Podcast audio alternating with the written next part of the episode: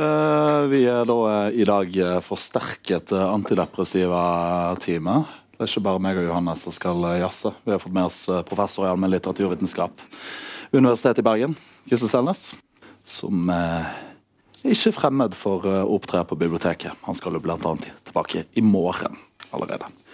Og vi skal jo da, som dere kanskje har sett på arrangementet, ta for oss dette mystiske eller uh, konkrete, eller hva det nå blir. Uh, eh, 68-opprøret. That's konsekvens. Så da skal jeg begynne nå. Vi befinner oss uh, i et vårlig Paris, mai 1968. Marie Baguette Dupont og hennes ektemann Marquis Coq de Baguette Dupont vet kanskje ikke nå, her de nyter et herlig aftenmåltid i sin parisiske hage med eddikvin, råtten ost og andre fordervede matvarer den franske overklassen liker å trykke i kjeften. Mat som koster en månedslønn for en arbeider, og knapt gir energi til å gjennomføre to trette trøkk i misjonær før man må melde pass og god natt. Men noe er i ferd med å skje, som truer med å snu virkeligheten deres på hodet. Barna deres er i seng med fienden. Studenten har funnet sin Romeo i form av arbeidere. Universitetsopprør blir til generalstreik. Universitetene selv okkuperes. Fabrikkene like så. Landet og eh, de Gaulle-regjeringen blir lamslått. Den franske økonomien stopper opp. Charles de Gaulle selv stikker ut av landet i noen timer fordi han er livredd for borgerkrig og revolusjon. Man kan ikke klandre han, egentlig. Bevegelsen må ha framstått som borgerskapets aller største frykt med sitt mantra om både kulturell, seksuell og økonomisk revolusjon. Arbeidere, kunstnere og intellektuelle arm i arm. Hvordan kunne dette skje? Over 50 år senere er Marie og kokk Baguette Dupont for lengst begravet. Deres unger vet man ikke helt hva driver med. Kanskje er de pensjonister? Kanskje jobba de fremdeles i reklamebransjen, hvor de fikk utløp for kreativiteten som sprengte gjennom den borgerlige skinnvirkeligheten de maidagene for mange år siden. Kanskje tilbringer de sine siste dager i en teltleir med andre gamle 68-ere, hvor de sakte, men sikkert, dråpe for dråpe, tømmer de siste restene av maidagene i 1968 inn i hverandre. Kanskje gremmes de siden når de tenker på sine barn, som stemmer Le Pen og ikke lenger vil snakke med sine foreldre. Kanskje forbanner de i sitt stille sinn psykiateren som identifiserte dem som traumets opphav. Marie Baguette og kokk Baguette finner ikke komfort i hverandres utopiske kropper. Han tenner en sigarett, han snur seg vekk fra henne idet hun avviser ham, og roper mot natten, fritt etter en annen velkjent norsk hedonist. Får jeg ikke Marcuse, så river jeg huset. Høres dette kjent ut? Det er en veldig veldig fri gjendiktning av en kjent kritikk av ideen om 68 fremført av bl.a. skikkelser som Michel Holebekk. For ja, opprøret i 68 har en dobbelthet over seg som er umulig å komme unna. Det er både en historisk hendelse, en forening av studenter og arbeidere i kamp for et nytt og bedre samfunn, men det er også en idé om en generasjon og en lang fortolkningstradisjon. Et spøkelse som alltid følger venstresiden, både når venstresiden våkner, og når venstresiden drømmer. Da er det vel kanskje å vri oss litt ut av jazzens klamme lenker og videre inn i en litt mer seriøs gjennomgang. Uh, Johannes, mm. denne kritikken, har lyst til å konkretisere den litt mer enn jeg klarer? Ja, altså, uh, Vi kan kanskje overlate den helt konkrete konkretiseringen til Gisle. Men jeg kan jo si noe om, om Hollebecks kritikk av 1968, og, og, og egentlig det jeg hvert fall tenker på som hele den eh, hva kan man si, konservative ideen om den seksuelle og kreative frigjøringen, eller alle de energiene som liksom ble frigjort eh, i 1968. da. Eh, som for Hollebekk, eh, som, som, jo eh, mange av dere sikkert vet er barn av, eh, av klassiske hippieforeldre eller, ja, som sendte ham da for å bo med sin bestemor da han var seks år gammel, så de kunne leve ut eh, livet som frihetssøkende hippier eh, eh, eh, uten da barnet som, som et vedheng. For, for Hollebekk så er 68-bevegelsen altså kun en slags sånn narsissistisk eh, tilfredsstillelseskult. Altså det, er en, det, er en, det, er en, måte å, å um, tilfredsstille de begjærene eh, som den nye kapitalismen altså eh, i hvert fall eh, på 60-tallet begynner å vokse fram da, med, med konsumerisme og, og, og sex til alle, masse varer til alle, og alle skal liksom få, få det de vil ha. Da. Og, og for Hollebekk så er 68-bevegelsen kun en sånn en, en, en, tilfredsstillelse av dette begjæret, som selvfølgelig, eh, som alle vet, så vil jo begjæret nødvendigvis på en måte bare forsterke seg selv. Det finnes ingen sånn eh, noe punkt hvor begjæret er tilfredsstilt. Eh, ja, og I et samfunn hvor på en måte markedet har begynt å innta og appropriere alle sider av det menneskelige, og markedets liksom, konkurranselogikk utvides til alle deler av den menneskelige sfæren, Eh, så er da eh, den narsissistiske selvtilfredsstillelsen eh, på en måte et gode. Det er liksom veien å gå. da. Så, så for Holbeck så er det det 68-erne gjør. Og særlig da i, i, de første, altså de grunnleggende bestanddeler og utvidelse av kampsonen. Og som alle andre markeder så produserer også det seksuelle markedet for Holbeck vinnere og tapere. Bruno i de grunnleggende bestanddeler er et eksempel på en slik taper. Og Hollebecks protagonister, og det gjelder alle bøkene hans, eh, er veldig opptatt av hvor mye valgfrihet de har. Eh, et eksempel er jo eh, det at de alle sammen snakker om hvor mange typer hummus som finnes på supermarkedene. 16 typer hummus var det i, serotonin, f.eks. Og at det er den friheten de da blir presentert med. Da. Som i den hollebeckske genealogi har sitt opphav i 68-bevegelsen. De har på en måte total frihet, de kan kjøpe all sexen de vil. De kan tilfredsstille alle tenkelige og utenkelige begjær på sex og swingerklubber osv. Uh, og de har med andre ord liksom total frihet, uh, som for Hollebeck er det samme som å bli dømt til et liv i evig kamp og evig fortapelse. Altså Frihet for ham er en uting. Uh, og det er i hvert fall den altså, Det er én lesning av Hollebeck. da, Det går an å legge vekt på andre deler av hans forfatterskap. Og det går også an å legge vekt på andre deler av 68, tror jeg, enn det Hollebekk gjør, og som, og som blir på en måte reiterert av, av figurer som Asle Toje og sånt i, i uh, Norge. da. Uh, den store kulturkommentatoren. Uh, den, det konservative Norges store mann. men poenget men poenget er jo da at kan vi se for oss altså Det er det jeg har tenkt at skal være headingen for dette arrangementet. da, altså Kan vi se for oss en annen 68, en annen versjon av 68? Og hvor skal man i så fall begynne? Eh, kan 68 være noe annet enn en slags narsissistisk ungdoms-slash-varekult? Eh, som, som, på en måte bare handler om å tilfredsstille begjær, og som legger til rette for individualisme, konsumerisme og en begjærsdrevet eh, økonomi. Da. Så Derfor har vi jo tatt med oss Gisle. ja. hva, var, hva, var, egentlig 68? For Det er jo en konkret hendelse med spesifikk historisk bakteppe. Eh, kan du ta oss litt gjennom det, kanskje? Ja, jeg kan, en del av den. Ja, jeg, kan, jeg kan ta opp tråden litt etter det som dere spiller inn her. for det er jo jeg berømme dere for gode innledninger på i to litt ulike sjangre. Men jeg syns dere har trukket opp et veldig repre, representativt eh, teppe her, eh, syns jeg. Eh, de aller fleste, i alle fall de som er litt eldre enn dere, og kanskje nærmer seg min alder, vil jo ha en klar forestilling om hva en 68 er for noe, og vil allerede ha gjort seg opp en et bilde av hva det var som skjedde, og hvordan vi skal forstå det i ettertid.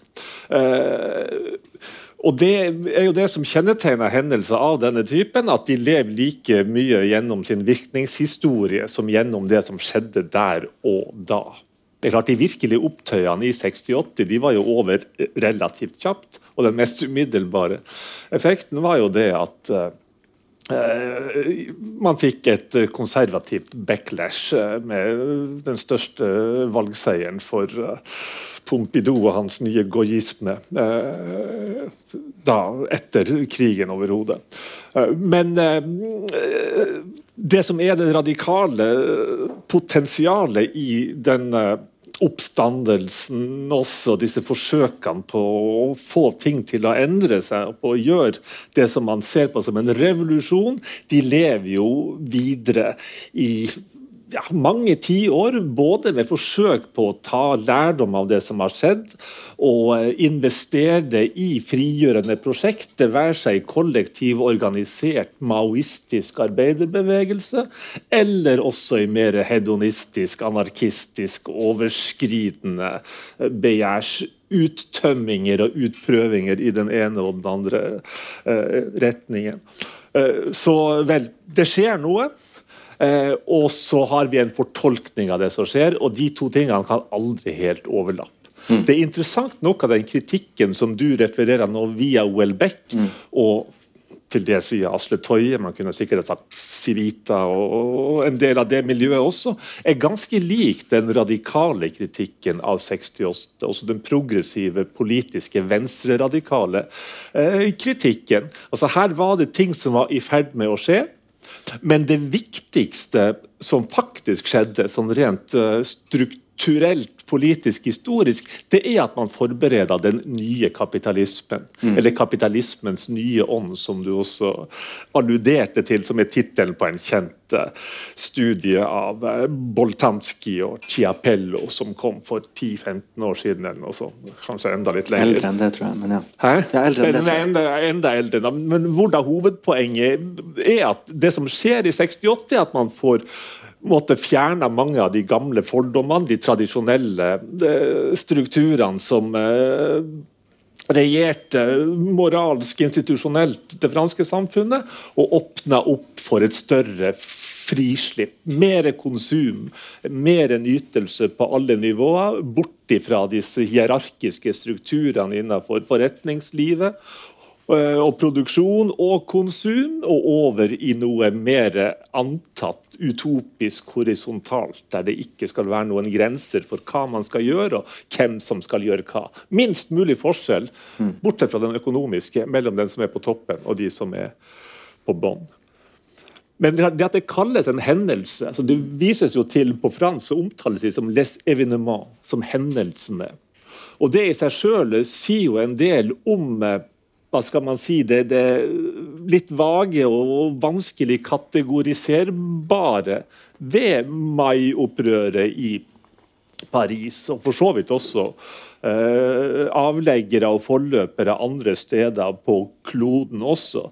For en hendelse, og da særlig i den franske evenementforstanden, eh, er noe som oppstår uten at man kan helt si hvorfor. Og i alle fall uten at noen virkelig har vært i stand til å forutse det. Og det eh, pussige ja, Pussige og pussige Det er jo at ingen Sjøl ikke de som var mest uh, involvert i det, hadde egentlig forutsett at noe sånn skulle skje.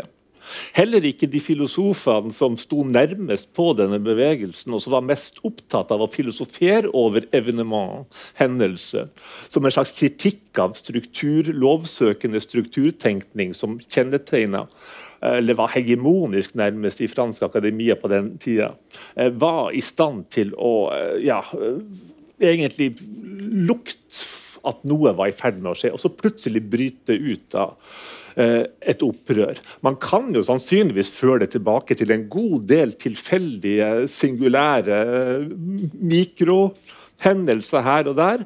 Men det som gjør at det faktisk blir såpass kraftig at det eh, varer ved, at det brer seg og at det får så mye oppmerksomhet og har hatt den effekten det har hatt, er jo at vi får et møte her på tvers av grensene for hvem som egentlig skal kunne møtes, og hvor de skal kunne møtes, som er det som du viser til, da, ved at det både er snakk om et arbeideropprør det er generalstreik, det største utbruddet av generalstreik med millioner av uh, tapte dagsverk i løpet av relativt kort tid, samtidig som studenter også uh, streiker. Og det at man får samkjørt mer eller mindre, i alle fall deler av dette studentopprøret med deler av det som er streikebevegelsen og arbeiderne sitt opprør, er jo det som gjør dette til noe nytt, og det som åpner vel dører for nye muligheter som ingen hadde sett, og som kanskje ikke var der før det helt plutselig skjedde. Så eh, selv om det ikke er uvanlig å føle de helt konkrete eh, første trefninga mellom autoriteter og studenter tilbake til det nye universitetsbygget i Nanterre. Eh, der hvor eh, studentene var segregert, nærmest. Eh, gutta fikk ikke lov å ha kontakt med jenter, studenter og studiner, som man gjerne sa på den tida, førte til opprop og opprør, som da bredde seg, og som også fikk en utvida Eh, hva skal man si, eh, dagsorden etter hvert også. Men det var helt etter konkrete at man ville, og man fikk også da eh, godkjent at det skulle være lov, i alle fall for gutter som var over 21, å ha besøk av jenter på rommet. Motsatt var det jo ikke snakk om i det hele tatt. Men da begynner man å merke det. Og så sprer det seg til Sorbonne. Og så blir det tatt noen fanger, eh, arrestert en del studenter, og så får man trefninger med en del voldelige hendelser også. Men det, at man tar til gatene, gjerne det at vel, her har det eskalert allerede på bakgrunn av det som begynner gnisninger mellom eh, opprørske frihets- og nytelseselskende studenter og en gammeldags universitetsledelse. Og så blir det tilspissa fronter, og så brer det seg. Og så hekter det seg på i stor grad også disse arbeiderstreikene eh, rundt omkring i, i, Frankrike. Så der kan man vel se vel, det er en glidende, en glidende overgang der. Begge deler eh, skjer. Og så kan man da legge vekt på det ene eller det andre, alt ettersom hva man uh, syns er mest interessant her. Men da skulle jeg mene at dobbeltheten eller uh, gnisningene i selve bevegelsen her er ikke minst viktig. Bare to veldig korte ting til. Først, vi skal også Må ikke du bruke opp alle poengene dine nei, med en gang? Dette her, nei, dette her er bare det ene poenget. Er det at vi skal også huske at dette her det er jo den såkalte boomer-generasjonen. Så plutselig så er det veldig mange ungdommer, og veldig mange av dem skal på universitetet. Mm. Det er nye fremmede og også fremmedgjorte omgivelser, og det er nye universitetsstrukturer også, som da ikke er helt forberedt på dette. Det andre vi skal også huske på, det er jo at det er en internasjonal eh, konfliktagenda her også. Vi har både Algerie, vi har Vietnamkrigen, som er viktige internasjonale politiske referanser. Og dette er jo da også den første generasjonen som virkelig har tilgang til levende bilder, om ikke akkurat real time, så i alle fall så nær real time som man noen gang har hatt, av det som skjer rundt omkring. Og det i verden. Av kolonikriger, av overgrep, av massakre. Av uh, uskyldige sivile. Og det bidrar også til denne radikaliseringa mm. som 68 står for, også for ettertida. Men eh, hvis jeg kan gripe tak i det her med, med eh, det antistrukturalistiske eh, tendensen i, i, eh, i, hvert fall i eh, studentenes eh, hva kan man si, mer anarkistiske, mer begjærsorienterte opprør. Kontra det For det er et det er sånn veldig kjent sånn tag på, på, veggen i Paris på den tiden. altså Strukturene går ikke på gaten. Hvor tanken da er at disse gamle strukturene, eh, arbeiderklassens partier, fagforeninger osv., eh, de produserer ikke eh, sånne hendelser. Men det gjør da dette urepresenterbare, foreløpig i hvert fall, urepresenterte subjektet som, som, den nye studentmassen er. da. lurer på, om, om, vi kan si noe om, om også forholdet mellom eh, Eller angrepet på hele strukturtenkningen. da. For det er også tydelig at, at med, med med Luke Boltanski og Eva Schiapello sin 'Den nye kapitalismens ånd', så er det også noe som helt åpenbart skjer i strukturene her. Det er jo helt åpenbart en strukturell endring som foregår, og som produserer mulighetene og uh, nødvendighetene, kan man kanskje nesten si, av, av en form for uh, Eller mulighetene, i hvert fall, av et, uh, av et opprør. da. Eh, så, så, Forholdet mellom nettopp da strukturalisme og, og, og dette urepresenterbare som, som eh, hendelsen da, som 68 representerer. ja, det er et veldig godt spørsmål, det også. Uh, så, uh, ja, men det Vi må vite litt hvilket nivå vi snakker på også. For jeg tror at mye av den, den opprørskheten blant studentene var veldig lite teoretisk filosofisk. Det er klart Kritikken av strukturalismen eh, dukka opp eh, der, og den finnes jo i eh, det intellektuelle miljøet som er assosiert med 68 hendelsen, Men veldig mange av studentene var jo mot uh, teori, abstraksjon, institusjon generelt sett. Så det at strukturene vandrer ikke i gatene, som graffitien sier, det betyr jo ikke bare det at Eller kanskje ikke først og fremst det at strukturalismen kan ikke fortelle oss noe om det samfunnet vi lever i i dag, eller den kan ikke kontrollere oss. Uh, uh, gi uttrykk for vårt begjær, men det betyr like mye at teori er kjedelig, og la oss nå heller ha det gøy og, og nyte også på fortauet. som det står også på andre og gjerne da selvsagt grave opp eh, ja, under, under. Under brosteiner finnes strand, ja. Der kan man elske i, kollektivt og få utløp for hele eller kanskje halve sitt uh, mm. begjær før man begynner å kjede seg igjen. Men så er det noe med, også med massemedia her, og, og altså nettopp de, hvordan begjærene begynner å på en måte representeres eh, for for stadig større deler av befolkningen? Ja, ja, ja absolutt. Definitivt. Og det kan, det kan, jo være litt vanskelig å skille fra hverandre. Så hva er det som er årsak, og hva er det som er virkning, eller hva er dialektikken her? Mm. For mye av det som skjer, det er også at det er skapt et begjær som nå liksom skal settes fri.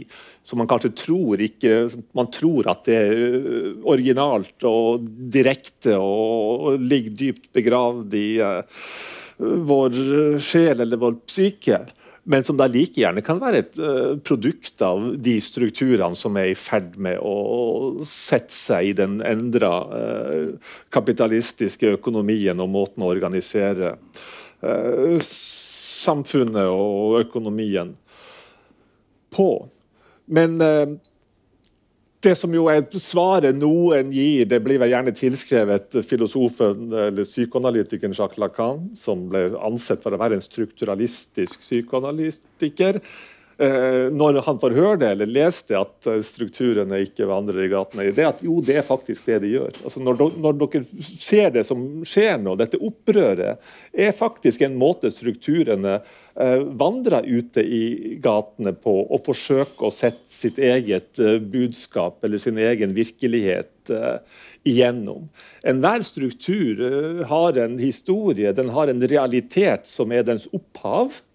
Og For at man skal gå fra en diskursform eller en struktur til en annen, så må man på en måte gjennom denne, form, denne formen for revolusjon. Mm. For uh, det finnes ulike måter å forstå revolusjon på. så Den ene er jo også den konservative. Uh, for ikke til lenge siden så var revolusjon det som skjedde på stjernehimmelen. Altså, Legemer går rundt, og så ender de opp på den plassen der de var i utgangspunktet. Ting snur og vender tilbake igjen. Uh, og Det er den konservative måten å se det på. Vel, ok, Her driver man og prøver frem og tilbake og finner nye ting, men før eller senere så ender man opp på utgangspunktet. Så har egentlig ingenting skjedd. Man benekter hendelsen. Så utenfra sett så kunne man se for seg, sånn som man også har gjort med den franske revolusjonen det her er det bare altså den uh, forrige borgerlige franske revolusjonen. Uh, her er det bare en masse bråk og kaos og støy, og etterpå er ting mer eller mindre sånn som de var i utgangspunktet. Men altså det som var Lacan sin, uh, sitt budskap til studentene, vel, det at dere er også uh, uh, agenter for forandringer som dere ikke helt har kontroll over sjøl. Altså, dere tror dere er revolusjonære, men egentlig så er dere like mye hysterikere som revolusjonære.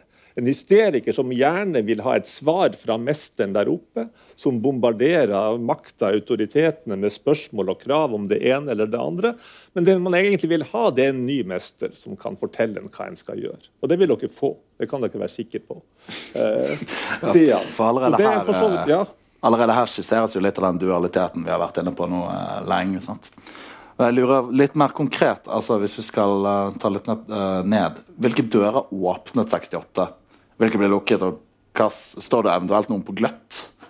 Ja, ikke sant. Hva kan vi bruke 68 til i dag? Må vi eh, avvise 68? Eh, skal man lage en ny revolusjonær bevegelse? Eller finnes det noen åpninger eller sprekker eller åpne dører man kan uh, ta med seg videre? Det er, det er jo litt det vi, vi, vi prøver å stille Jeg prøver å konkretisere. Ja. Nei, jeg, jeg, jeg eh, tenkte jeg, kanskje jeg skulle vente litt med, med det ene poenget mitt. da. Men, men eh, Ja, det gjør den, ja. Det er sant. Eh, men, men eh, Nei, fordi at det skillet som blir stilt opp mellom da den eh, hva kan man si, mer hippie, hedonistiske, anarkistiske, eh, bohemske student 68, og det mer eh, hva kan man si eh, eh, At det er en hendelse i venstresidens historie. Det er noe som, som åpner opp for si, nye klassekomposisjoner, nye måter å, å forhandle om sin klasseidentitet og posisjon. Spesielt da med, med hvordan studentene si, tar kontakt med arbeiderne og går til fabrikken og hører med dem, liksom, eller begynner å diskutere med arbeiderne og på en måte åpner opp nye klasseallianser. da.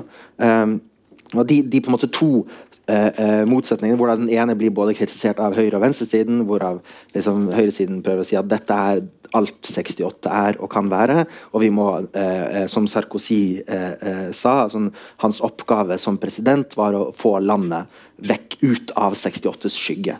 Vi må liksom, vi må forbi dette, vi må bli ferdig med 68, og det er liksom Sarkozy sin oppgave. Eh, eh, og den venstreside-kritikken som sier at sånn, nei, det var ikke det 68 egentlig var. Det var egentlig da denne mer maoistiske, eh, antiimperialistiske, antinykolonialistiske kampen eh, mot Vietnamkrigen osv. Men, men jeg vil jo på en måte eh, introdusere holdt jeg på å si, en, en, en ny motsetning, da, en ny opposisjon, som man jo alltid må. Eh, at, at eh, i holdt jeg på å si, den, den eh, hva kan man si, frislippet av begjær og av kreative energier osv. som 68 er, så finnes det på en måte to, to veier å gå. Da. Det finnes to dører som åpner seg. Hvorav den ene selvfølgelig er den individualistiske, konsumeristiske eh, Se her, ja. Apropos begjær. Eh, eh, Begjæret mitt er tilfredsstille, i hvert fall. Ja. Du tror ikke noe på det at begjæret ikke kan tilfredsstilles? eh, Begjær koster rundt 80 kroner på bil. Ja. Det blir dyrere og dyrere. Men, eh, men at, at selvfølgelig da det åpnes to dører, og hvorav den ene går i, i, i retning den altså Hvorav den ene på en måte ender i uh, dominoeffekt, ender i Tinder. Hvor, hvor, på en måte, hvor på en måte begjæret er eh, eh, holdt på å si, hele tiden på utstilling, og det blir som hele tiden fortalt du må nyte. Og hvis du ikke klarer å nyte, hvor mange matcher har du? Hvis du ikke klarer å nyte, så er det noe galt med deg. Og da, da får man selvfølgelig angst fordi at man ikke klarer å, å nyte nok. Man klarer ikke delta i den, den, den seksuelle teaterets eh, utspilling. da. Har sex blitt kjedelig, Johannes? Nei, det blir gøyere og gøyere eldre blir. Eh, men men eh, så tror jeg også at det er en annen måte å tenke på dette frislippet av begjæret på, som også er eh, eh, som man finner, som Mark Fisher da, eh, finner i spesielt eh, popmusikken fra den tiden. Ja, Konkretisere litt, for han snakker jo om acid communism, som vel på en måte er en måte et forsøk på å bevare denne spiren, eller redde denne spiren fra 68 fra Ja. den kritikken, spesielt fra venstresiden. Ja, og Hvis vi ser på sånn eh, Marcuse, for eksempel, som eh, blir, blir på en måte en slags 68-ernes eh, eh, hva kan man si, teoretiske far. da. Som, som nettopp kritiserer den, den stadig gryende kon konsumerisme, da, hvor, eh, som en senere kommentator skriver, at liksom eh, eh, homo economicus har eh, si, appropriert alle våre begjær og hva det vil si å være menneske, og det eneste måten vi kan være menneske på i dag, er ved å, er ved å på en måte konsumere og, og uh, gjennom en tanke om profitt, gjennom uh, å samle kapital osv. Men, men si, ungdommen som, selvfølgelig som en markedskategori, men det finnes også ungdommen som et kollektivt uttrykk for motstand mot det bestående. Som, jeg, eh, som i dag tror jeg ofte blir liksom latterliggjort, og jeg latterliggjør det selv også, eh, senest på, på podkasten vi slapp i går.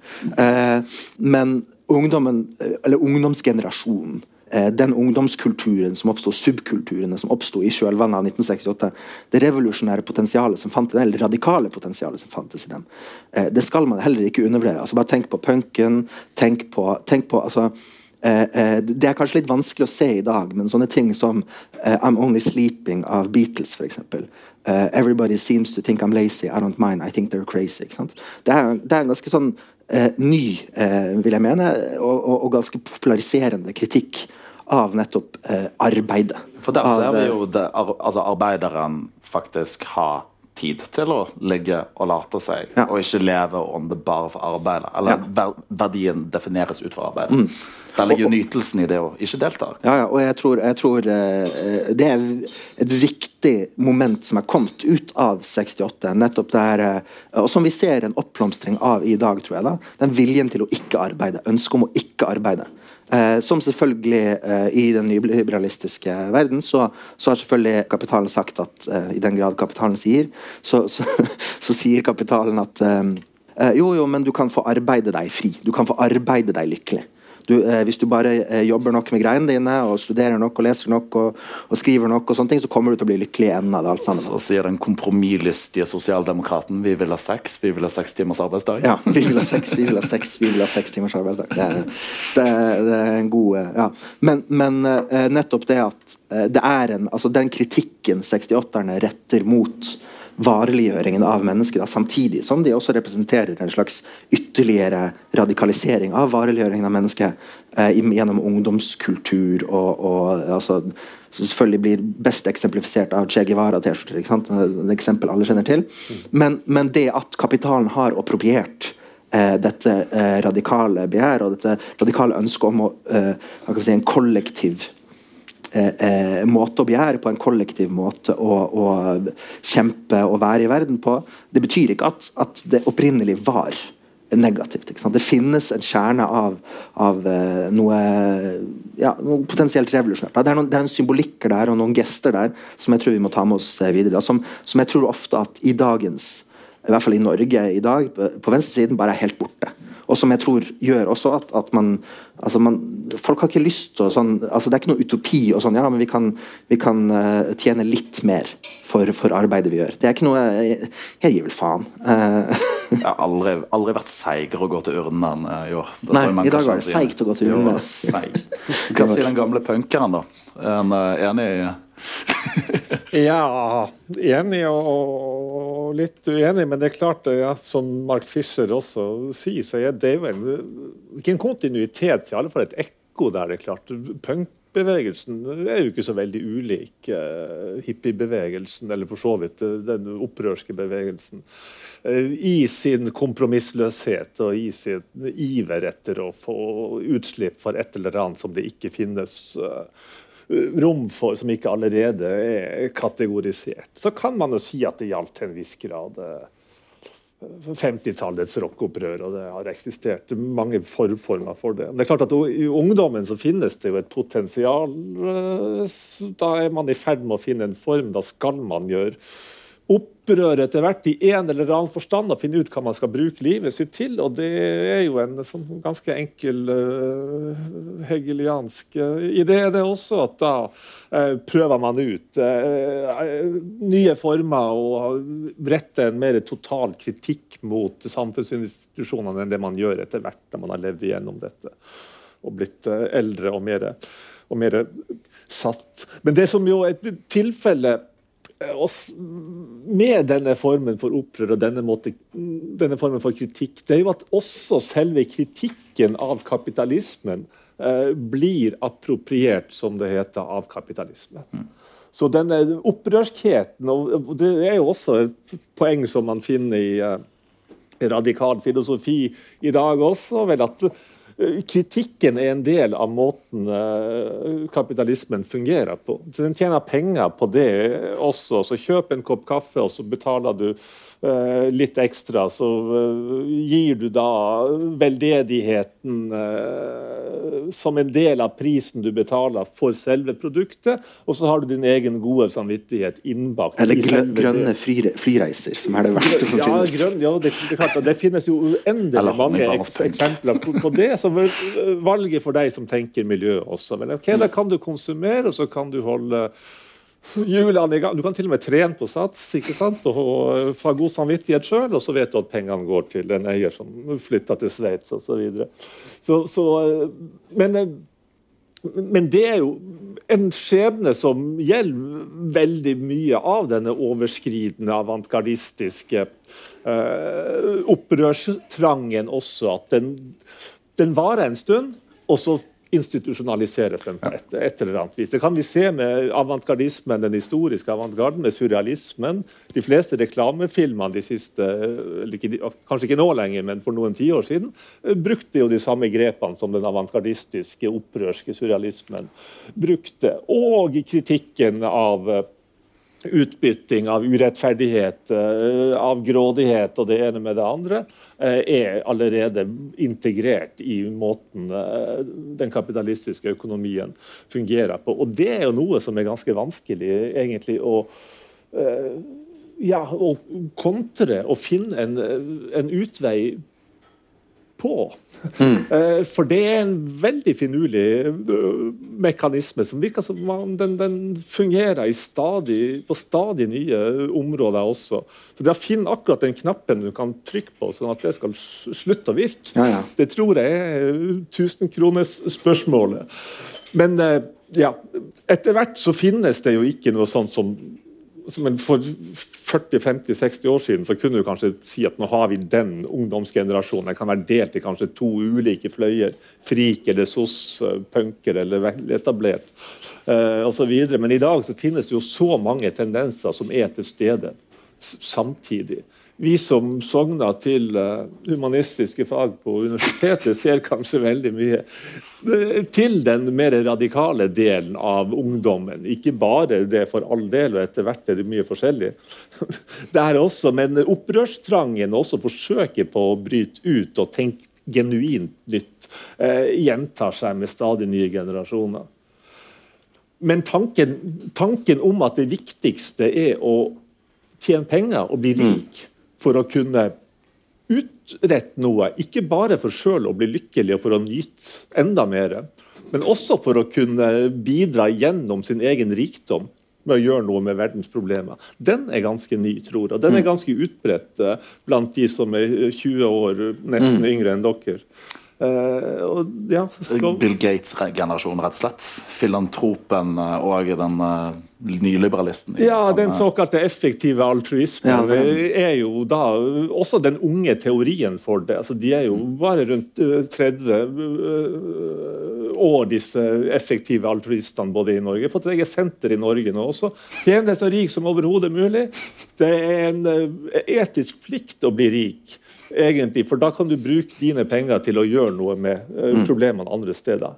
Og, og, det skal du gjøre. altså Du skal gi penger da eh, som gave, som veldedighet, til noe som kan bruke dem på en måte som faktisk eh, eh forbedrer deres livssituasjon, heller enn å jobbe men, men hvis jeg politisk. kan uh, skyte inn i forbindelse med denne, denne nye typen hva kan man si, ungdomsfenomener nå vet jeg ikke om det bare er et ungdomsfenomen. jeg, jeg, vet jo om en god del voksne også som bare bryr seg om å tjene penger eh, eh, for å få trygge og gode og, og, og eh, behagelige liv. Men, men, jeg tror jo det er noe med altså, hvis, hvis, man ser denne tendensen til på en måte at, at eh, en form for, at det er en form for opprørskhet eller en form for sånn etisk eh, nesten sånn radikal handling å på en måte eh, fokusere på Eh, eh, bare det å tjene så mye penger så fort som mulig, som ofte gjerne er knyttet også til eh, Hvis du ser eh, i den delen av internettosfæren som, som er eh, eh, nettopp knyttet til sånne ting som Andrew Tate. Du skal ikke bruke så mye. Det blir teit å snakke om Andrew Tate, så det gidder vi ikke gjøre. Men, men, men, men men sånn handler om sånn her, tjene så mye penger så fort som mulig, sånn at du kan gå av med pensjon. Så det er, det er en anerkjennelse av at arbeid er ikke i seg selv et gode. Mm. Eh, som jeg tror er, står veldig sterkt i de yngre generasjonene. Samtidig som det er altså, arbeid er den eneste måten du kan sørge for å, å få deg et sikkert og, og, behagelig og komfortabelt men, men, det, eh, liv. Men, det, men, men for, meg er, for, meg er, dette et, et poeng. Sånn her, men det er jo fordi eh, man på eh, venstresiden ikke har klart å tilby et alternativ. There is no alternative. Den eneste måten du kan eh, sørge for noen relativ eh, lykke i dag, er, er gjennom, gjennom, på en måte arbeid eller tjene penger. Kanskje aksjemarkedet. Det, det er jo normalt å handle aksjer. Alle, alle, handler aksjer. Kvinner skal handle aksjer. Sindre Finne skal handle aksjer. Altså Alle må ha rett til å handle aksjer. Det er en slags menneskerett å handle aksjer. Og det, er jo, det eh, produserer på en måte mer lykke det enn å få 100 kroner mer, mindre i barnehageutgifter. Ja, ja. Altså, det er jo et bedre altern, eller en bedre fortelling. Altså, høy, høyre, høyresiden og lover deg sånn, du har potensial til å bli lykkelig. Mens venstresiden sier sånn her Du kan få 100 kroner mindre i barnehage. Så, så er det en sånn nyliberale ideallivet der du jobber ræven av deg i kanskje ti år, og så sparer du opp mest mulig penger, og så skal du ut og reise. Men du kan, for du må ut og reise, du må ut og nyte. Det er jo denne nytelsesplikten igjen. Mm. Du kan ikke bare ligge og jazze i ti år på samtidig så har jo, så har jo eh, eh, reiser jo i hvert fall studentene mindre og mindre til utlandet. Eh, det er en, et faktum, men, men jeg vet ikke hva vi skal gjøre med det. Men, men i denne Er det et problem? Nei, jeg vet da faen, jeg. Eh, jeg vet ikke hva jeg gjør med det her og nå, tenkte jeg på. Eh, eh, litt ambivalente forhold til studenter i utlandet for tiden. Ja, eh, men, men, eh, men i denne situasjonen, da, på en måte den totalt sånn utopiløse situasjonen, så tror jeg faktisk at 1968 er, eh, og, og de symbolene eh, som både kommer til uttrykk i popmusikken, i, i, og ut på 70-tallet også, i rockemusikken og i eh, hvor, hvor nettopp den psykedeliske Det er jo dette Mark Fisher snakker om i Acid Communism. Den liksom psykedeliske ideen om at sånn, den verden du, du eh, lever i, er en falsk en. Uh, og, og hvis du skal ha et faktisk frigjort, eller i hvert fall noe tilnærmende likt noe, noe form for frigjøring av, av dine egne begjær, og sånne ting, så holder det ikke opp. altså eh, eh, det er ikke et frigjort begjær å, få en yacht og få masse damer på der, og liksom, altså, som er liksom kapitalismens våte drøm. Eh, men men, men det, er ikke, det er ikke et frigjort begjær. Det er, det er, eh, det er et nevrotisk og, og, og eh, Ja. Mens, mens um, uh, eh, men man må tilby på en måte en eller annen form for kollektiv eksistens da, som faktisk kan utfordre eh, den store fortellingen. Og, den, og jeg tror at i eh, eh, Selv om jeg vet at dere to begge er litt mer sånn skeptisk til, til hippiene enn det jeg er, eh, så, så, så, så tror jeg faktisk at hippiene, eller den, den på en måte mer hippiesiden av 68, har noe, eh, har noe å lære oss da, i det å produsere kollektive eh, eller forestillinger om kollektiv eh, eh, kollektivt begjær, da. kollektiv eh, handling, kollektiv eksistens. Da. Eh, Jeg vet ikke hva du tror. Eh, Ja. Altså Hippiebevegelsen var jo temmelig individualistisk, den også. Ja. Den forsvant jo inn i en tåkesky etter hvert, uh, kunne man si. Men det er også en forløper til uh, ja, mindfulness, skulle man tro. Meditasjon, yoga. Som jo uh, kan tenkes å være en ideologisk mekanisme som får oss til å fortsette å handle sånn som vi skal for å være eh, ikke bare lovlydige borgere, men eh, skikkelige konsumenter. Samtidig som vi tror at vi eh, innerst inne så er vi noe helt annet og mer autentisk.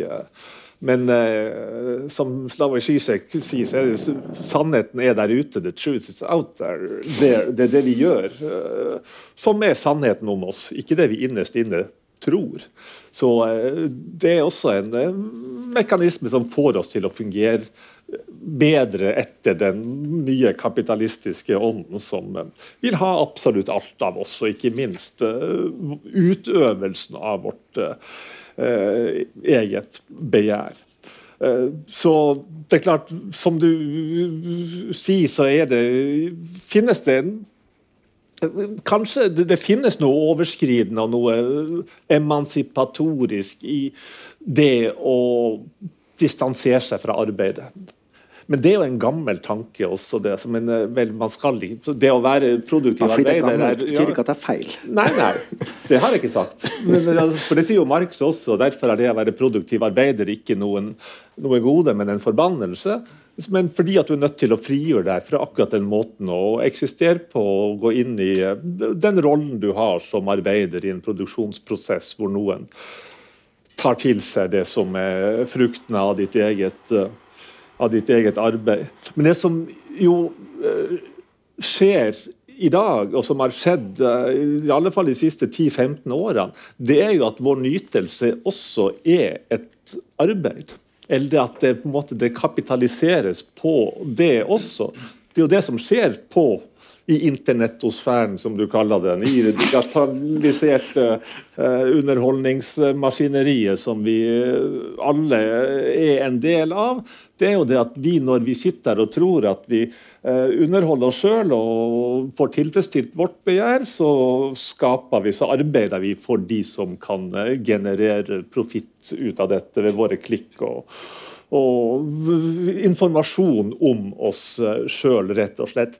Så det at, eh, det at nytelsen eh, utbyttes direkte, er sannsynligvis noe av det virkelig nye med kapitalismens nye ånd. Og Nettopp derfor er, som du sier, Joakim, tanken om at nytelse ikke lenger er noe som er forbudt, men det er noe som er påbudt. Eh, er jo en ganske merkelig situasjon.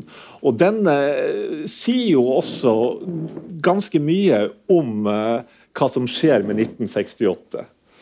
For da er jo hypotesen den, teorien den, at noen forbyr oss å nyte. Altså Noen vil at vi skal gjøre Det er den repressive hypotesen? Det, det er den repressive hypotesen som finnes uh, så mange steder. Uh, i samfunnet om at egentlig så kunne vi hatt det veldig godt, vi kunne ha fått utløp for vårt begjær, men så er det noen som sier nei, det er forbudt.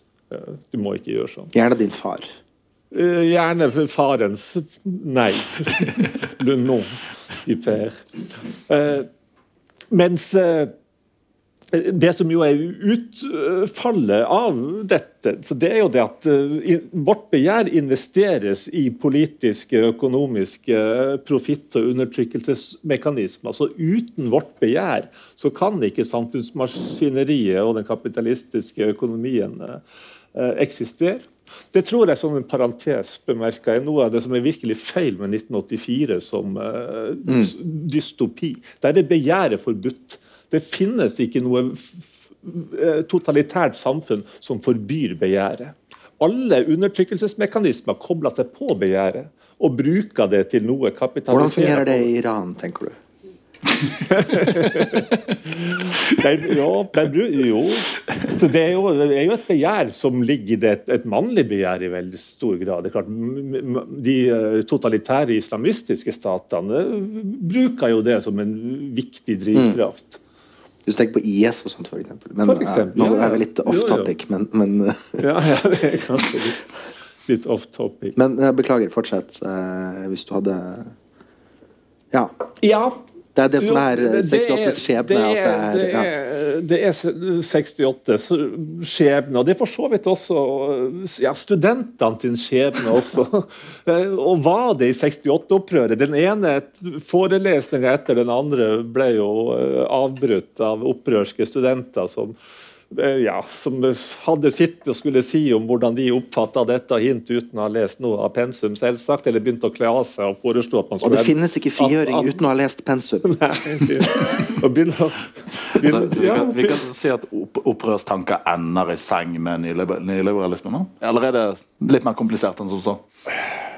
Altså En del av det, altså det, det, det legger jo grunnlaget for det, forbereder grunnen for det som er nyliberalismen, som kalles for det. Og det er klart, så Hele dereguleringstanken uh, er jo ja. En idé om frislipping av ja. Den er jo helt fullstendig kompatibel med, med Deterritorialisere begjæret osv. Mer innovasjon, mer uh, disruption. Ja, ja.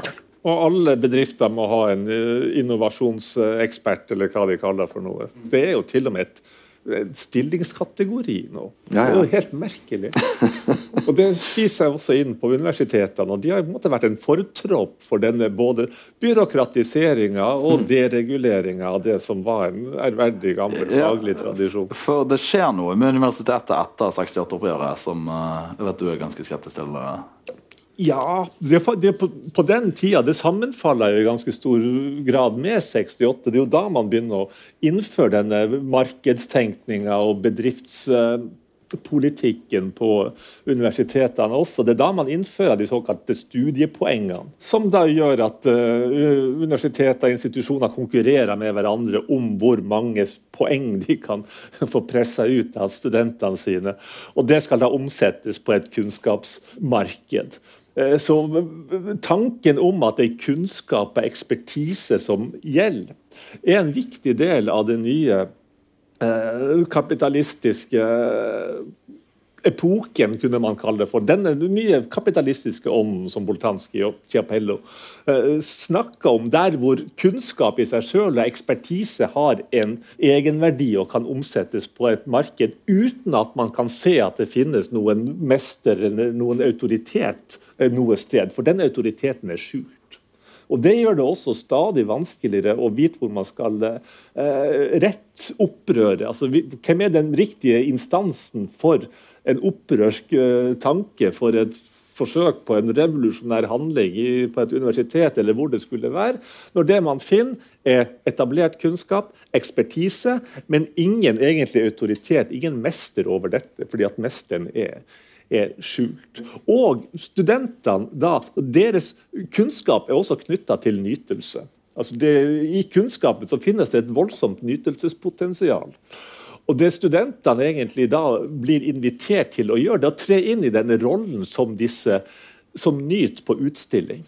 Det er også en ting, jo, det, det, også, også, ja, det, gjør de også helt konkret når de begynner å kle av seg på forelesninger. og foreslår at Her, de, Gjør de det? Ja, jo, visst gjør de, ja, de gjør ikke det nå lenger. Har du ikke sett Jo da, i 68. Har du ikke ja, sett videoen derifra? Foreslår at nå skal vi ha en ganger. Nå skal vi ha en love-in istedenfor å sitte og høre på disse kjedelige forelesningene. Mm. Men da spreller man. Man er, man, er, man, er, man er uregjerlig. Man skal gjøre opprør. Man skal nyte, og det er noe som eh, storsamfunnet kan se på og kanskje nikke litt halvveis anerkjenne til også, for dette er relativt ufarlig. Ja, ja. Men, men jeg lurer på, uh, når du snakker nå, fordi at uh, bare fordi si, kapitalen approprierer eh, eh, begjæret og, og, og, setter det til å arbeide for seg og for, for profitt osv., betyr det nødvendigvis at vi er nødt til å å si, si nei til begjæret? Altså, bare fordi at denne eh, altså å, eh, Dere har sikkert alle sammen eh, hørt om eh, det Chiche kaller da den, den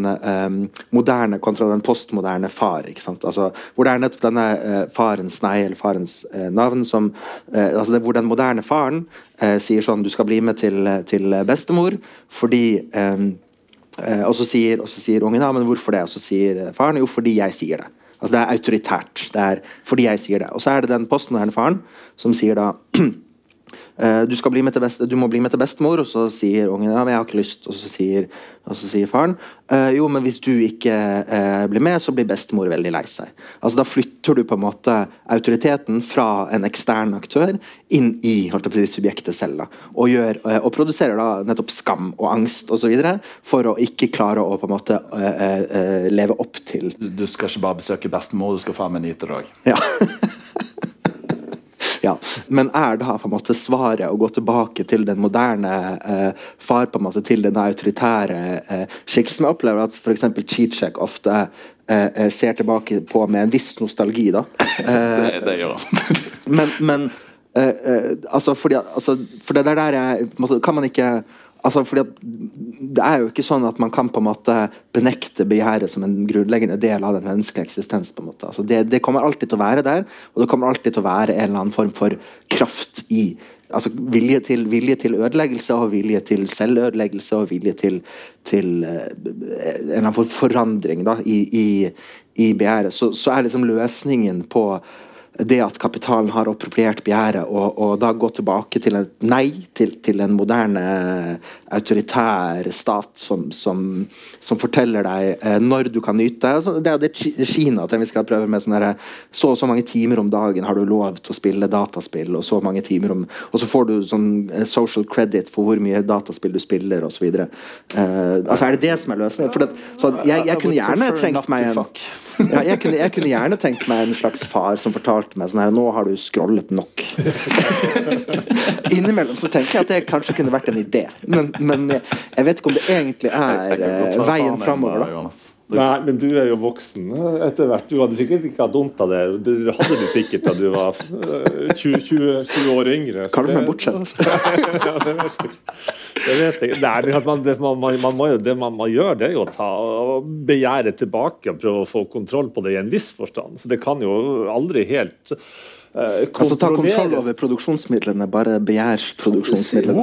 Jo, jo, men, jo, det, ja, men det kan du si så noen så, Vi mennesker vet ikke hvordan vi skal begjære. Nei, nei. Uh, så, vi, har, vi, er født med instinkter og, og drifter, men idet vi blir mennesker, så blir vi også lært hvordan vi skal gå fra å ja, være styrt av ukontrollerbare, polymorft perverse drifter til å rett begjære et eller annet sted. Så det som, eh, Man må jo selvsagt eh, anerkjenne begjæret som den viktigste drivkraften i mennesket. Så uten begjær ingen historie, uten begjær ikke noe samfunn eller noe kunst eller holdt på å si noen kommende slekt eller noe som helst. Eh, men det er jo å få tatt det tilbake på et eller annet vis. Mm. Og som du sier, for så vidt også kollektivisert det mm. igjen i en viss forstand. At det ikke bare blir appropriert av noen som henvender seg direkte til oss som individer, som narsissister, og som uh, suger penger av måten vårt begjær kan manipuleres inn i den ene og den andre uh, digitale og ikke fullt så digitale avkroken der vi blir avlurt. Mm. Både slags, hva det innerste drømmer og, og Det er en slags onanisk uh, greie, det her å sitte og, og scrolle. Altså, det er en sånn selv... Sånn, veldig, veldig lite tilfredsstillende, men likevel liksom tilfredsstillende bevegelse som man gjør. Ja, det er en, tvangs, det er en tvangshandling. Ja. Det er en repetisjonstvang. Ja. Og da er du faktisk ut av begjæret og tilbake i driften igjen. For mm. den som er rent repetitiv, uten at du har kontroll på det.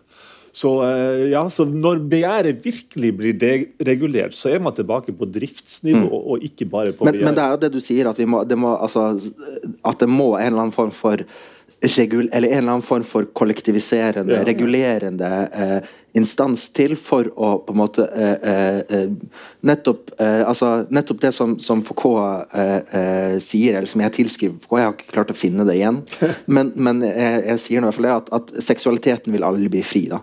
Eller det er nettopp det at det finnes ikke noe sånt som en, som en Hvis vi bare fjerner alle de repressive apparatene, så kan vi få en totalt frigjort seksualitet og leve i fred og fordragelighet for all evighet. Altså For mennesket så handler det alltid om hvordan skal vi temme, eller hvordan skal vi forme vår egen eh, eh, vårt eget begjær. Eh, hvordan skal vi Og da må det jo være nettopp det som, som fra et venstresideperspektiv må være mm. eh, eh, litt oppgaven. Hvor, på, altså faktisk ta begjæret litt på alvor. da ta det på alvor og ta det tilbake og gi det en kollektiv dimensjon også, mm. ikke bare den privatiserte i begge ender. Men det er det som man sier også, det er vel igjen noe som stammer fra Lacan han tar og vrir på denne påstanden til Dostojevskij, som jo var en dypt konservativ, reaksjonær religiøs mann, at hvis Gud ikke finnes, så er alt tillatt.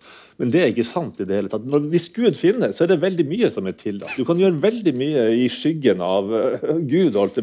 Han ser en annen vei, du kan gjemme deg, han er opptatt med det ene etter, etter det andre. Men hvis Gud ikke finnes, da er, det, da ingenting er tillatt. Altså, men da det da du programmerer hele dagen din og prøver og strever uh, for å få skikk på livet ditt og, og nyte så mye som mulig klokk på riktige klokkeslettet.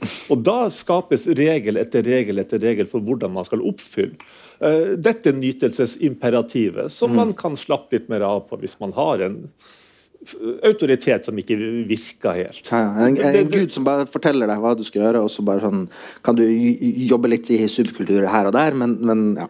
Ja. Da, da, tror jeg eh, antidepressiva og venstresiden har endelig funnet sin misjon. Vi skal gjenskape Gud. Ja. Og det Ja, oh, let me cook. Oh, okay, sorry. Du er ikke faren min. Nei.